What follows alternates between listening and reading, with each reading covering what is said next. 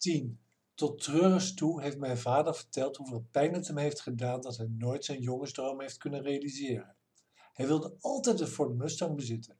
Natuurlijk geen moderne met zo'n 2 liter motor, maar zo een met een 8-cilinder 5 liter motor, waarvan je het zware motorgeronk al van twee straten ver kon horen. Als compensatie voor het echte blik nam hij geregeld een automagazine mee naar huis, waar hij zich aan verlekkerde alsof hij naar mooie vrouwen keek. Deze kreeg hij van zijn passagiers, omdat deze natuurlijk ook op de hoogte waren van zijn obsessie. Om mijn leeshonger te stillen, spelde ik elke editie. Mijn liefde ging echter al snel uit naar Engelse auto's. Toen ik voor het eerst een foto van een Jaguar E-Type zag, was ik op slag verliefd en wist ik dat ik er alles voor over zou hebben om deze te bereiden. Na een mislukt, gelukkig kinderloos huwelijk met een gigantische fantast, wist ik dat ik mijn leven anders zou moeten vormgeven. Mijn droom zou werkelijkheid worden. 9. Nooit heb ik gedacht mijn toevlucht te moeten nemen tot een datingsite om mijn toekomstige levenspartner te ontmoeten. Ik heb, samen met mijn toenmalige echtgenoot, meerdere creatieve bedrijven uit de grond gestampt en ben daardoor gewend aan een rijk en sociaal leven. Na het verlies van mijn partner ben ik door een diep dal gegaan waar ik met behulp van mijn therapeut uit ben geklauterd. Mijn nieuwe levensdoel is het met een partner genieten van rijkdom. Ik ben een niet snel tevreden te stellen avontuurlijke vrouw van midden dertig die hoge eisen stelt aan haar toekomstige partner. Ik ben gezegend met een gezond afgetreden lichaam, door sommigen als goddelijk beschreven, welke ik graag met de juiste deel. Zie ook mijn profielfoto, waarbij ik u verzeker dat alles puur natuur is. Als dochter van een autoliefhebber waardeer ik klassiekers in het algemeen en Engelse oldtimers in het bijzonder. Gelieve niet te reageren als u niet in staat bent uw rijkdom te delen om samen extreme hoogtepunten te beleven. 8.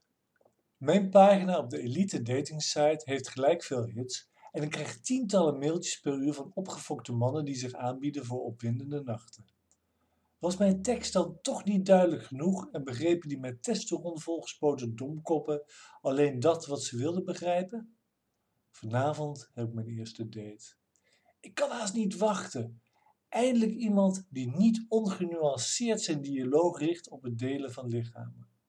Na een mailwisseling van een week, waarbij we elkaars wensen en verwachtingen hebben afgetast, heb ik hem mijn telefoonnummer gegeven. Wat een heerlijke stem en het leek al snel alsof we elkaar al jaren kenden. Ondanks de weersvoorspelling ben ik nu op weg naar Valkenburg. 7. Ik word door de gastheer naar een mooi gedekte tafel begeleid waar een wat oudere heer in een lichtelijk smoezelig pak met choker zit. Zijn uitstraling is gedistingeerd, maar iets wat gedateerd, hetgeen hopelijk niet voor zijn vermogen geldt. Petronella, wat fijn dat we elkaar nu ondanks dit onstuimige weer eindelijk in levende lijven kunnen ontmoeten. Vanaf deze openingszin vliegt de hele avond voorbij met een negen gangen menu met bijbehorende wijnen. Even maak ik mij zorgen over hoe ik vanavond weer thuis kom, maar zijn verhalen zijn zo beeldend en doorspekt met bewijs dat geld nooit een issue zal zijn, dat ik besluit volledig te genieten van het moment. Hij zal toch zomaar de man kunnen zijn waar ik naar op zoek ben. Als hij zijn avonturen in zijn e-type beschrijft en mij achterloos vraagt of ik de suite wil bewonderen waar zowel Mick Jagger als George W. Bush hebben overnacht, wil ik dat zo graag. 6. Fernandes, is dit jouw auto?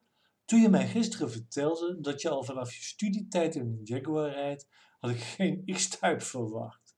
Dit is toch niet meer dan een veredelde Ford Mondeo? Ik smolt helemaal toen je vertelde dat je voor je dagelijks vervoer in een E-Type rijdt. En waarom zit er op jouw auto een sticker van Rentorek? Hoezo hebben we het hotel niet via de receptie verlaten? 5. Godfried is echt goddelijk en voldoet, in tegenstelling tot mijn eerdere dates dit jaar, aan de meest belangrijke eisen die ik aan een man stel. Hij is eigenaar van een toonaangevend bedrijf gespecialiseerd in het genetisch modificeren van virussen en heeft daarmee het vermogen verworven om aan al mijn materiële eisen te voldoen. Bij mijn vraag of ik zijn auto zou mogen lenen, moest ik wel even slikken, omdat hij zei dat zijn Phantom belastingtechnisch enkel als auto met chauffeur gebruikt moet worden. Op mijn bedroefde gezicht reageerde hij echter kordaat door aan te geven dat hij mij eerdaags vervoer zal voorzien. Enkel voor de bevrediging op het fysieke vlak zal ik weldra een extra stimulans moeten zoeken. 4.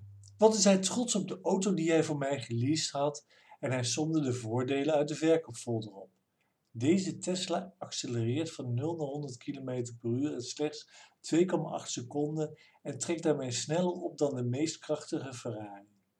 De geavanceerde autopilot-functies voor veiligheid helpen de bestuurder, indien ingeschakeld, bij de meest vermoeiende en risicovolle aspecten van het autorijden en nemen daar waar nodig de stuur, rem en acceleratiefuncties over. En dat haast geheel gefinancierd vanuit belastingvoordeel voor ondernemers, zoals de geldende kleine investerings- en milieuaftrek, gecombineerd met de nog steeds zeer beperkte fiscale bijtelling.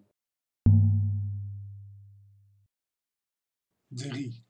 Tussen de verblindende zonnestralen ontwaken een zwerm fladderende vogels. Je hoeft geen vogelaar te zijn om het soort te herkennen. Maar wat doen al deze kippen bij de A2? Even later lijkt het alsof er een pan ver over de voorruit is uitgegoten en is mijn zicht geminimaliseerd. 2. Een enorme knal scheurt mijn trommelvliezen, terwijl een grote ballon mijn bril tegen mijn gezicht kapot drukt. Voordat ik tussen een met hard plastic beklede metaal wordt samengeperst, denk ik: waarom nu? Waarom ik?